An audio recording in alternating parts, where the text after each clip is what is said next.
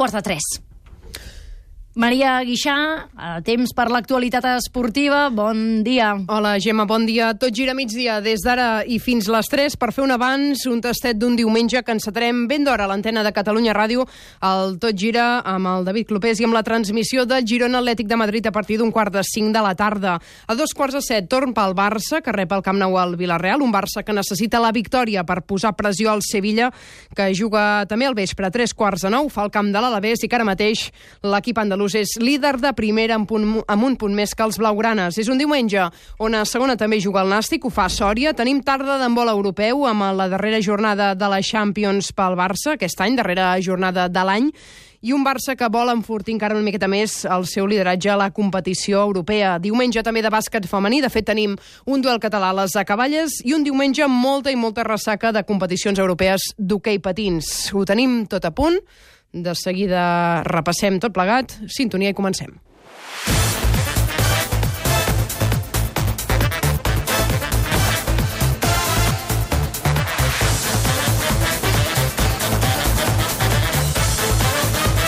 Tot gira migdia amb Maria Guixà.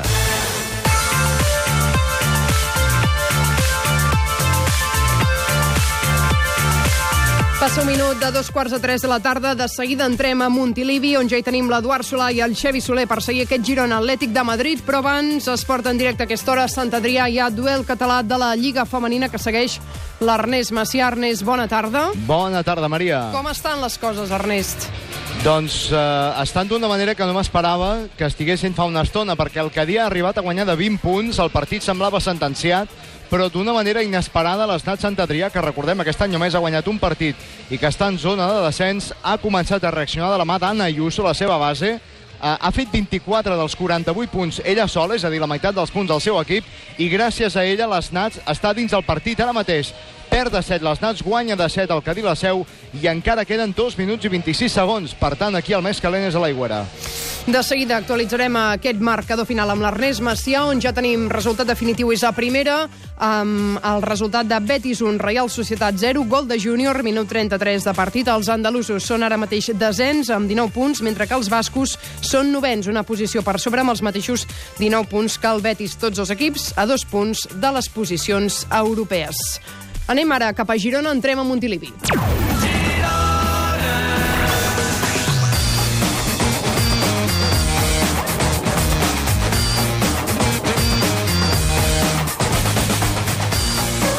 El d'avui i el d'aquesta tarda és un partit important a Montilivi, on ja hi tenim col·locats l'Eduard Solà i el Xevi Soler. Bona tarda a tots dos. Bona tarda. Hola, bona tarda. Un Girona que avui arriba reforçat en aquest partit, després de l'última victòria a Cornellà, la jornada passada, i un Girona que ens té acostumats a plantar cara als equips grans. L'any passat dèiem un Girona mata gegants, i aquest any, Eduard, de moment, les coses no estan anant per mal camí. No, perquè el Girona porta sumats 11 dels últims 15 punts possibles. Són 5 jornades consecutives sense perdre a la Lliga. Recordem empat a Noeta, victòries contra el Rayo Vallecano i València, després empat al Leganés de casa, que és l'únic resultat d'aquestes 5 jornades que va deixar una mica mal sabor de boca, i finalment, la, com deies, Maria, la victòria la setmana passada al camp de l'Espanyol. Si avui el Girona guanya, que ha començat la jornada setè amb 20 punts, se situarà a només un punt de l'Atlètic de Madrid, que abans de la jornada eh, era tercer amb 24 punts. És veritat també que si l'Atlètic Madrid guanya, doncs se situaria com a líder. A més a més, el Girona, en aquests 5 partits que dèiem de, de Lliga, només ha encaixat dos gols. Va ser contra el Rayo Vallecano aquí a Montilivi, contra l'Espanyol la setmana passada, i són dos gols que no l'han penalitzat a l'hora de la classificació. L'Atlètic Madrid també arriba amb bona dinàmica. Uh, com dèiem, si guanya se situarà provisionalment com a líder. L'Atlètic Madrid només ha perdut un partit aquesta temporada.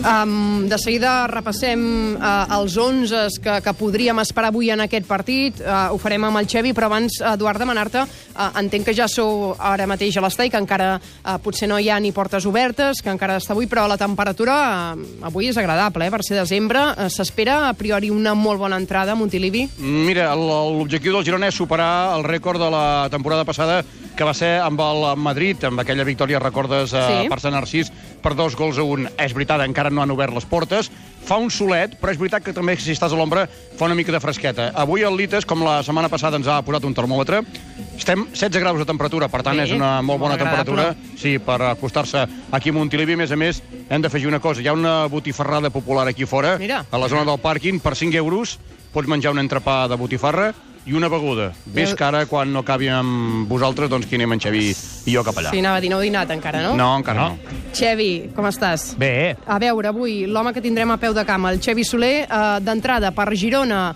baixes especialment sensibles eh, al carril esquerre. Sí. Qui no ens podem esperar avui, Eusebio? Sí, uh, aquest és el gran dubte, saber qui estarà de carril a l'esquerra. Recordem dues baixes de llarga durada, com són les de Mojica i les de Dai. Tampoc hi és Carles Planes, lesionat l'altre dia, i ahir teníem la sorpresa de la lesió de Marc Muniesa. Tot apunta a que avui el carril a l'esquerra serà ocupat per Àlex Granell, Àlex o el jove del planter Valeri eh, són les dues opcions que ahir mateix va reconèixer Eusebio Sacristan. Es eh, perfilen pocs canvis en l'11 d'Eusebio, només aquest del carril esquerre. La resta pràcticament seran els mateixos dels últims partits. Avui recordem que tornen Porto i Douglas Luiz. És difícil que cap dels dos, després de tres partits amb absència per culpa de les lesions, entrin ja en l'11 inicial. Per tant, veurem una miqueta la gent de sempre amb Bono a la porteria, la tripleta de centrals amb Ramallo, Bernardo i Juanpe, amb Pedro Porro per la dreta i Àlex Grell, presumiblement per l'esquerra, el doble pivot amb Pere Pons i Aleix Garcia, li ha donat bona, res, bons resultats en els últims partits, amb Patrick Roberts per la dreta, Borja per l'esquerra i Cristian Estuani, el pitxitxer de la Lliga al davant. Mm. Ahir, quan parlàvem de la prèvia d'aquest partit, eh, tu ens explicaves el que havia dit en roda de premsa Simeone mm. per part de l'Atlètic de Madrid. Deia, igual tenim el dubte de Diego Costa, sembla mm -hmm. que jugarà al final. Sí. Eh, amb quin escenari arriba el conjunt matalassí? Què podem esperar? Pràcticament és calcat. Hauríem de... Avui es podrien obviar els carrils esquerres dels dos equips perquè també té molts problemes l'Atlètic de Madrid. Bàsicament tots els problemes que té són a la defensa i avui podríem veure una situació inèdita. Ja dèiem, Àlex Granell, un migcampista reconvertit a carriler esquerrà amb el Girona i Saúl Ñíguez, que podria ser també l'opció pel carril esquerre de l'Atlètic de Madrid, un Atlètic que haurà de eh, fer una defensa pràcticament tot nova amb les grans baixes que té, baixes com les de Godín, com les de Juan Fran Jiménez o Felipe Luis, que avui no hi podran ser, i un Atlètic que, això sí, de mig camp en endavant, amb tota la seva bateria, amb la presumible titularitat de Diego Costa, que s'ha recuperat de la lesió, juntament amb Griezmann com homes més perillosos i amb aquests problemes a la defensa. Doncs a partir d'un quart de cinc aquesta tarda, de moment eh, esperarem fins les 3. Si teniu 11 en algun moment demaneu pas, Xevi, Perfecte. Eduard. Sí, I, bé. si no, que vagi molt bé aquesta botifarrada. Igualment. Ens sentim després. Uh, de seguida repassem el partit que té el Barça a casa, també a dos quarts de set contra el Villarreal, però hem de tornar a passar per Sant Adrià. Segueixen, Ernest, igual les coses favorables al dir la seu? Guany el encara s'ha ajustat una mica més la diferència, són 5 punts, 50-55, però la bola és pel dir. La veritat és que ara mateix ho té una mica més bé l'equip de la Seu, perquè té la possessió faltant 32 segons i si ho gestiona bé el partit el té guanyat. Guanyava de 20, guanya de 5, però queden només 32 segons i al Cedis, eh, perdó, i a les Nats li faltarà un minutet o dos per culminar la remuntada. Ernest, és veritat que aquest partit, a nivell de, de classificació, mm, no el podem llegir com, com absolutament transcendent. És veritat que no, però a l'equip de casa, les Nats, que només ha guanyat un partit, li interessa començar a guanyar per confiança, perquè són jugadores molt joves. Recorda que aquest equip va ser la revelació de l'any passat, Sí. que ningú esperava, eh, que van arribar a la Copa fins i tot, i els hi van prendre doncs, bona part de l'equip perquè lògicament és un dels pressupostos més baixos de la categoria. Han hagut de reconstruir-lo amb alguna jugadora com l'Anna Ayuso que ha vingut dels Estats Units a la universitat i amb jugadores del planter i aquestes jugadores necessiten recorregut, temps, quilòmetres i guanyar partits per construir confiança. Clar, avui no passarà però anirà de ben poc. Ara justament Uh, hi ha falta personal d'Anna Ayuso, que serà la cinquena i és eliminada, per tant, una confirmació més de que les Nats ho té molt difícil per guanyar avui. Queden ja 22 segons, ja tirs lliures pel Cadí, que guanyarà aquest partit. Falta saber encara de quan. Actualitzem uh, d'aquí a no res aquest resultat, si és favorable finalment per l'equip de la Seu. Abans parlem del Barça i d'aquest partit que té amb el Villarreal. És un partit que començarà al Camp Nou a dos quarts de set, un Barça que necessita la victòria per seguir pressionant el Sevilla, que ara mateix és líder de primera, per alguns és líder inesperat, per molts una circumstància que atribueixen més a concessions d'un Barça que ha començat la temporada transitant amb una certa irregularitat, segurament amb millors prestacions a Europa, però amb més irregularitat a la Lliga, tot i que això sí, segueix a un sol punt del lideratge. Roger Busà, bona tarda. Bona tarda, Maria. D'entrada, coses pendents en aquest partit. Sí, recuperar el lideratge és el més important important tornar a ser líder. D'això en dependrà, com deies, també, evidentment, el resultat d'aquest vespre del Sevilla contra l'Alavés, però clar, en tot cas, per aconseguir-ho, és obligatori tornar a guanyar, i no només tornar a guanyar, també fer-ho al Camp Nou l'últim cop. El Barça no ho va fer contra el Betis, tampoc va guanyar l'última jornada el Wanda contra l'Atlètic de Madrid. Per tant, per tot plegat, Valverde només pensa a tornar a ser líder. Pues ahora mismo lo que me, más que preocuparme, lo que me interesa es cuanto antes recuperar el, el primer puesto de la clasificación, porque hemos estado en el primer puesto de la clasificación todas las jornadas menos dos, una que lo recuperamos al domingo siguiente contra el Sevilla y, en, y ahora. Eh, en cuanto a críticas, va a haber críticas siempre. Unas veces porque no haces ocasiones, otras veces porque te hacen muchas, otras veces por porque sí, otras veces porque no. L'equip necessita tornar a recuperar sensacions en els resultats i en el joc i també no encaixar més gols. Són 11 partits consecutius encaixant, és un dels principals maldecaps d'Ernesto Valverde i també una de les assignatures pendents d'aquest Barça. De seguida, Roger, repassem els possibles 11. En parles dels lesionats que té uh, aquest Barça, però abans tornem cap a Sant Adrià per confirmar el final d'aquest duel català de la Lliga Catalana de Bàsquet, Ernest. Doncs sí, et confirmo la victòria de l'equip visitant del Cadí 50-59 davant de les Nats, que ha reaccionat però no a temps. Per tant, per cert, amb un gran partit d'una catalana, l'Andrea Vilaró, pel que ha fet 15 punts, i d'una altra catalana per part de les Nats, que n'ha fet 24 dels 50 del seu equip. Per tant, estem parlant que el bàsquet català femení està en un gran estat de forma i avui ha quedat demostrat en aquest clàssic del bàsquet català. 50-59 pel Cadí, derrota de les Nats Sant Adrià, recordem aquesta tarda a partir de les 6 l'Espar City Leaf Girona s'enfronta a l'Encino. Dèiem, Roger, eh, possible 11 d'aquest Barça, en principi a priori no preveiem un 11 gaire diferent al que, el que va posar Valverde dimecres en partit de Champions. Esperem el mateix. En principi esperem el mateix perquè continua de baix Artur, encara amb molèsties als adductors, també Suárez i Sergi Roberto, això a banda d'un tití, per tant, podem esperar el mateix doncs, eh, que dimecres amb Ter Stegen a la porteria, Semedo, Piqué, Lenglet i Jordi Alba en defensa, Arturo Vidal, Busquets i Rakitic al mig del camp, i al davant Dembélé, Messi i Coutinho. Messi de fals nou, això si Valverde no sorprèn amb Malanyà o Bedenis, per exemple. Però bé, en tot cas té pinta que l'11 serà pràcticament el mateix que dimecres al camp del PSV. Una de les baixes que destacaves, òbviament, és la d'Umtiti. L'estem arrossegant fa molts dies i és que finalment ha decidit el central francès anar eh, al Qatar a Doha a fer aquest tractament conservador i, i per tant, això fa mirar a curt termini o a mig termini eh, pensant en el mercat d'hivern i en fitxar. Sí, eh, és veritat que fitxar o no eh, al gener dependrà de l'evolució d'un Titi en els pròxims dies. Valverde espera que es recuperi aviat, però bé, reconeix que ja han de començar a pensar en el mercat, reconeix que en les pròximes setmanes eh, veuran, decidiran si fitxaran un central o no. En este mes tenemos que ir definiendo ya las, esas cuestiones. Me refiero que vamos a entrar en el mes de enero. No, imagino que, que a un se le hará un seguimiento de su recuperación y iremos viendo cómo, eh, cómo va. Y en función de todo eso, pues lo decidiremos. Pero vamos,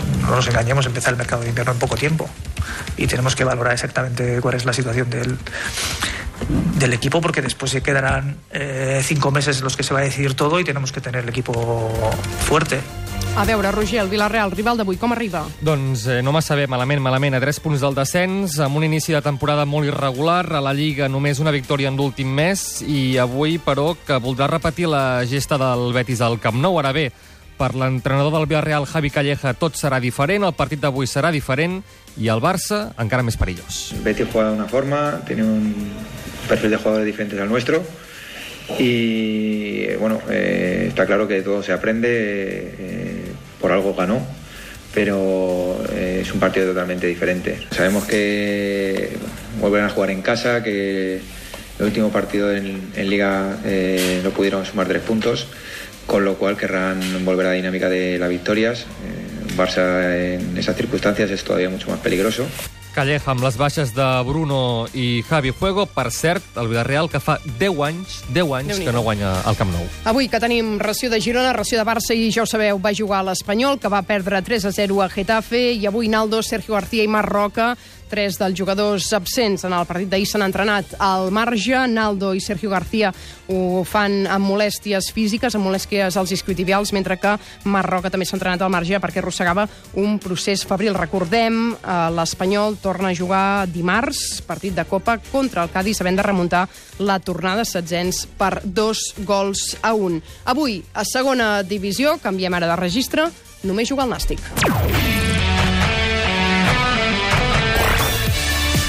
Els tarragonins es desplacen fins a Sòria per jugar a partir de les 6 a Los Pajaritos al camp del Numanci. El partit el seguirem amb el Xavi Palau. Xavi, bona tarda. Què tal, Maria? Bona tarda. El Nàstic, és cué de la categoria, una situació asfixiant per l'equip tarragoní, que ja no pots pensar res més, Xavi, que en una sola i única premissa, la de guanyar. Desplaçament complicadíssim el que té, efectivament, el Nàstic avui en aquest partit que jugarà a partir de les 6 de la tarda Los Pajaritos de Sòria, els locals que tampoc tenen una gran temporada, només dos punts per sobre del descens, però és veritat que la situació del Nàstic és diametralment diferent, coés de la categoria, ara mateix amb 10 punts, a 5 de la permanència provisional que marca el Saragossa i que, sortosament per els interessos dels catalans, va perdre ahir a casa la Romareda contra el Cádiz. Veurem què passa la jornada d'avui, si el Nàstic és capaç de puntuar en aquest estadi, un Nàstic que, repetim, arrossega problemes no només d'aquesta temporada, sinó ja de les dues darreres, on li ha costat moltíssim acabar mantenint la categoria. Quique Martín, en una setmana d'aparent tranquil·litat, ha donat dos dies de festa a la plantilla i sembla que no variarà massa el sistema de joc ni tampoc l'alineació que va permetre esgarrapar un punt a l'últim partit jugat al nou estadi i un punt que té un sabor doncs, de satisfacció perquè l'equip, recordem-ho, perdia 0-2 i va acabar esgarrapant un punt amb l'empat a 2 contra l'Almeria. Fa fred a Sòria, però això no serà impediment perquè, com dic, Maria, a partir de les 6 es jugui aquest Numància nàstic a los Pajaritos, els grana obligats a no sortir derrotats i intentar guanyar per ja fer un cop d'efecte en aquesta classificació. Gràcies, Xavi. Passa un minut de tres quarts de tres de la tarda. Marxem ara cap a Sant Andreu. Entrem al Narcís Sala. Perquè aquest migdia ha jugat el Sant Andreu, ha fet amb l'Horta, partit de Lliga de Tercera Divisió, partit previ al que els Quadri i Barrat jugaran dimecres a Madrid, a la Copa, un Sant Andreu que jugarà al Wanda Metropolitana contra l'Atlètic de Madrid, el rival avui del Girona, partit corresponent a la tornada de setzents a final de la competició del CAU, amb un resultat favorable de 0 a 1 del partit d'anada. Per tant, amb aquest somni de la remuntada a la butxaca, el vestidor del Sant Andreu ja fa Ara mateix canvi de xip, es pensa en la Copa, pensant gran, pensant en l'Atlètic de Madrid i el Narcís Sala, i tenim la Montse Mir, que ha seguit el partit amb l'Horta i que és en protagonista.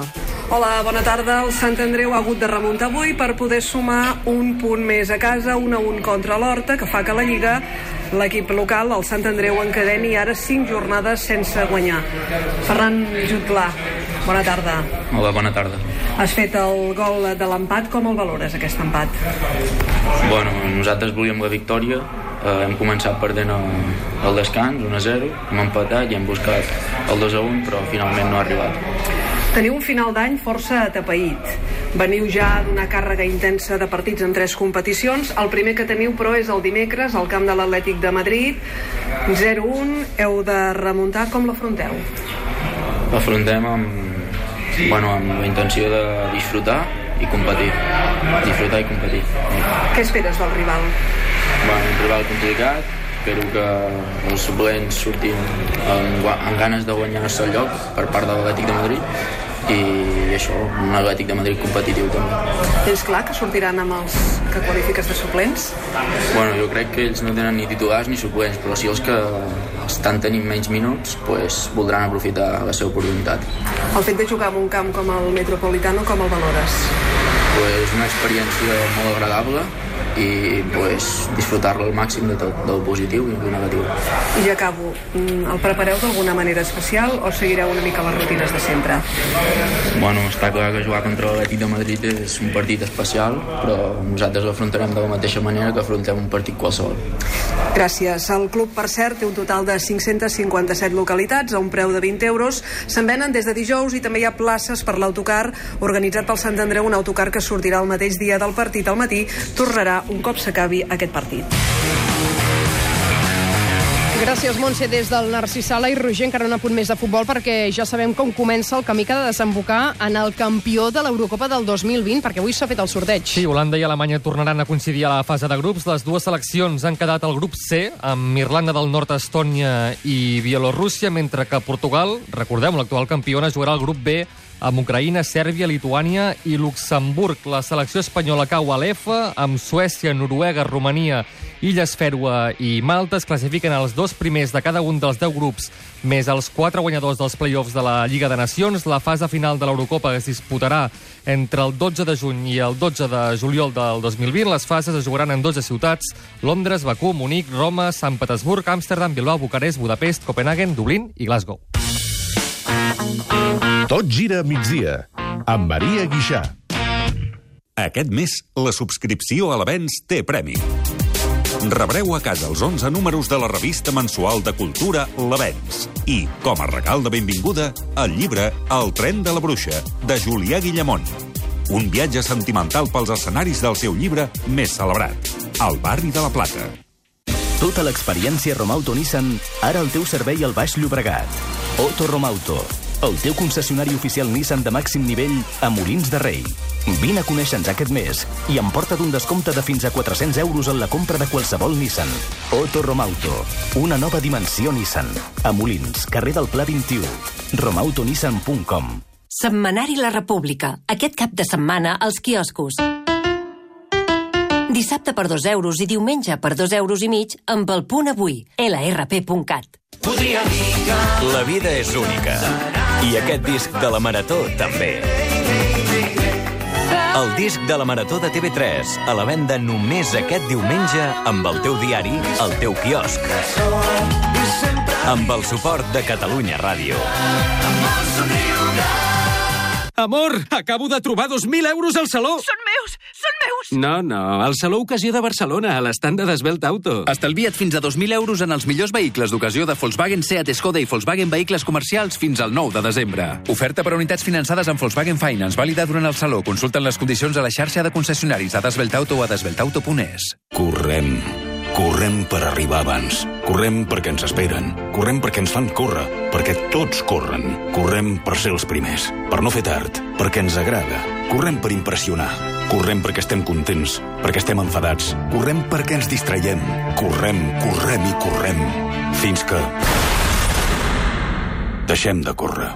L'accés de velocitat és incompatible amb la vida. No corris. Viu més. Servei Català de Trànsit. Generalitat de Catalunya. Arriba el derbi, arriba el superpartit Espanyol-Barça. El proper dissabte 8 de desembre a les 8.45 no et quedis a casa. Vine al camp, diverteix-te, crida i emociona't amb un record que serà per sempre. Compra la teva entrada al web rcdespanyol.com. Espanyol-Barça. Dissabte 8 de desembre a les 20.45. T'hi esperem. L'ofici de viure, amb Gaspar Hernández. Aquest diumenge a l'Ofici de Viure amb el doctor Miquel Porta i amb la doctora Rosa Garcia ens preguntarem com ens afecta l'exposició a la contaminació ambiental, quins aliments tenen més tòxics, quines són les substàncies més difícils d'eliminar del cos i com podem desintoxicar-lo o prevenir també els tòxics a la nostra vida. L'ofici de viure, amb Gaspar Hernández. Eines pel benestar emocional. Aquest diumenge a partir de les 12 de la nit. Hi ha gent que quan arriba a la una de la matinada diuen... Súbeme la ràdio. I llavors arriben les preguntes i respostes. Que quan va al lavabo els excrements li floten amb ella. És perquè se menja molta fibra. Per tant, va bé. Uh, per lo que jo vaig llegir a una revista, sí. Que la tova suri és positiu. Uh, exacte. De diumenge a dijous, d'una a 3 de la matinada, la nit dels ignorants 3.0, amb Xavier Solà. El programa que sempre sura. Pura fibra. Ai, no pot ser, no pot ser, m'enganxeu. 15 temporades fent ràdio esportiva per tu. Kilian, benvingut a Barcelona. Muchas gracias. Hola, soy Borja Iglesias y este domingo estaré en el Tot Gira. Borja, moltes gràcies per ser el Tot Gira. Un placer. Marc Bartra, com estem? Bona nit. Hola, bona nit. Heptacampió, el més jove de la història. Benvingut al nivell 7. m'agrada, m'agrada, m'agrada aquest número. Gol, gol, gol, gol, gol! Quin gol, quin gol, quin gol! Murri, Murri, Murri! S'ha acabat! Ja està, ja està! Per fi, primera ja en tenim! Xuta Messi! Gol, gol! 144.000 oients els dissabtes i 169.000 els diumenges, segons l'últim EGM. De Messi!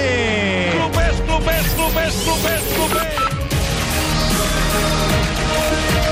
Tot gira. El programa esportiu més escoltat a Catalunya al cap de setmana. Tot gira a migdia, amb Maria Guixà.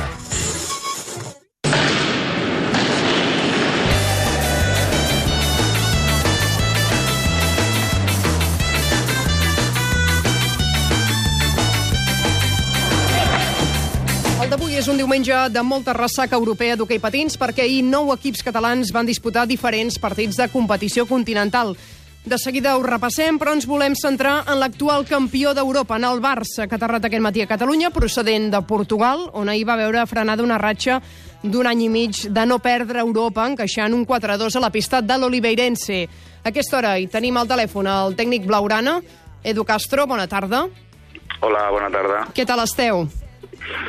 Bueno, uh, similar una sensació que afortunadament és nova per nosaltres en quant a la Lliga Europea i, i tristos per la derrota, però pensant que hem de continuar. Exacte, t'ho pregunto perquè ara ho deies, eh? situació nova. Com es gestiona unes circumstàncies com aquestes després de 12 partits consecutius a Europa sense perdre?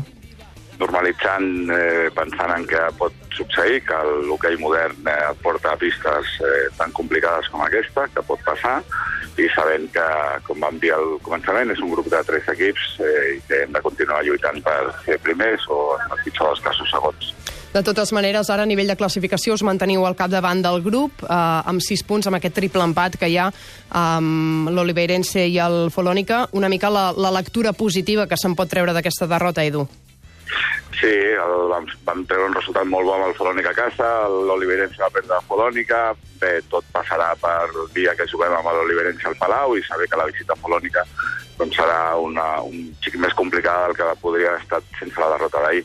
Però sabem que, que hem de continuar treballant, saber què és el que no vam fer bé ahir i a partir d'aquí el dimecres tenim un partit de Lliga al Palau, prou important com per pensar només en l'Hockey Lliga ara mateix. Com veus el potencial dels rivals i dels equips portuguesos?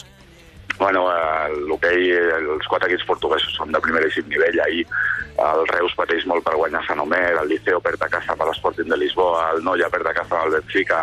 Uh, el nivell de l'hoquei és aquest, és que han partits igualats cada vegada més, això el que ha de fer és posar en valor el que hem fet fins ara i intentar repetir-ho i saber que, saber que mica en mica les coses han d'anar han d'anar sortint i segur que en sortiran.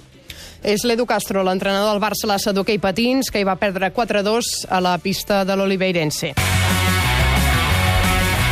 D'Edu Castro, Oriol Rodríguez. Oriol, bona tarda. Hola, bona tarda. Al marge del Barça, la Lliga Europea, i també van jugar Noia i Reus. Mira, amb una victòria i una derrota, la victòria pel Reus, que va suar de valent per guanyar a la pista del Sant Omer, primera victòria del Reus en aquesta fase de grups. Ara el Reus té 3 punts, el té 9 al Porto i 6 al Lodi. En canvi, el Noia Freixenet va caure a l'Ateneu Agrícola per 1-2 contra el Benfica. Ara tindrà més complicat, eh, perquè ha de superar 4 gols d'avantatge contra el Monza i es queda amb només aquests 3 punts a la classificació. La propera jornada alerta perquè el Noia visita la pista del Benfica, que en té 9 de punts, a la Monza en té 6. Oriol, a la Lliga Europea Femenina, ple de victòries catalanes. Van passar el Manlleu, el Palau i el Voltregà. Els tres ja són als quarts de final i amb resultats d'escàndol. Stuart de Portugal 0, Voltregà 10. En aquest cas el partit no es va jugar, no es va presentar al tenis rival i el partit va ser finalment de 0 a 10. També el Palau va golejar el Nantes per 0 a 8 i el Manlleu a Calenberg per 16 a 0. Als quarts de final, Voltregà, Benfica, Palau, Noisy-le-Grand i Manlleu, Gijón.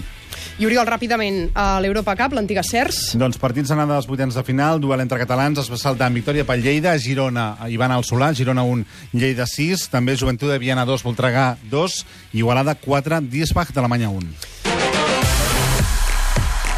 I tornem ràpidament cap a Sant Adrià. Us hem explicat amb l'Ernest Macià que hi ha hagut victòria al duel català del Cadí, la seu 50-59. Victòria de, les, de la seu d'Urgell. L'Ernest en protagonista. Doncs sí, Maria, amb l'Andrea Vilaró. Andrea, una victòria que semblava que estava feta i que us ha estat a punt d'escapar. Bueno, sabíem que Sant Adrià és un equip que no dona res per perdut fins al final. Ens hem bloquejat moltíssim amb atac. Sort que en defensa hem aconseguit tancar l'aro, però bueno, jo crec que són coses que no podem permetre si volem a, assolir l'objectiu de la Copa, eh, però bueno, crec que també denota molt de caràcter per part, de, per part nostra, que tot i que elles anaven remuntant, remuntant, nosaltres hem intentat no perdre la calma i seguir jugant. Hem tingut la mala sort que no hem ficat canastes, però les jugades estaven prou ben jugades. Uh, és sòlid pensar que podeu aspirar a la Copa amb aquest equip perquè hi ha molt marge de millora, podeu fer-ho molt bé. Sí, bueno, jo crec que l'equip eh, cada vegada està responent millor, estem jugant millor, però bueno, eh, l'objectiu és la Copa, evidentment, però encara ens queden molts partits i, i moltes coses per millorar. Gràcies, Andrea. De res.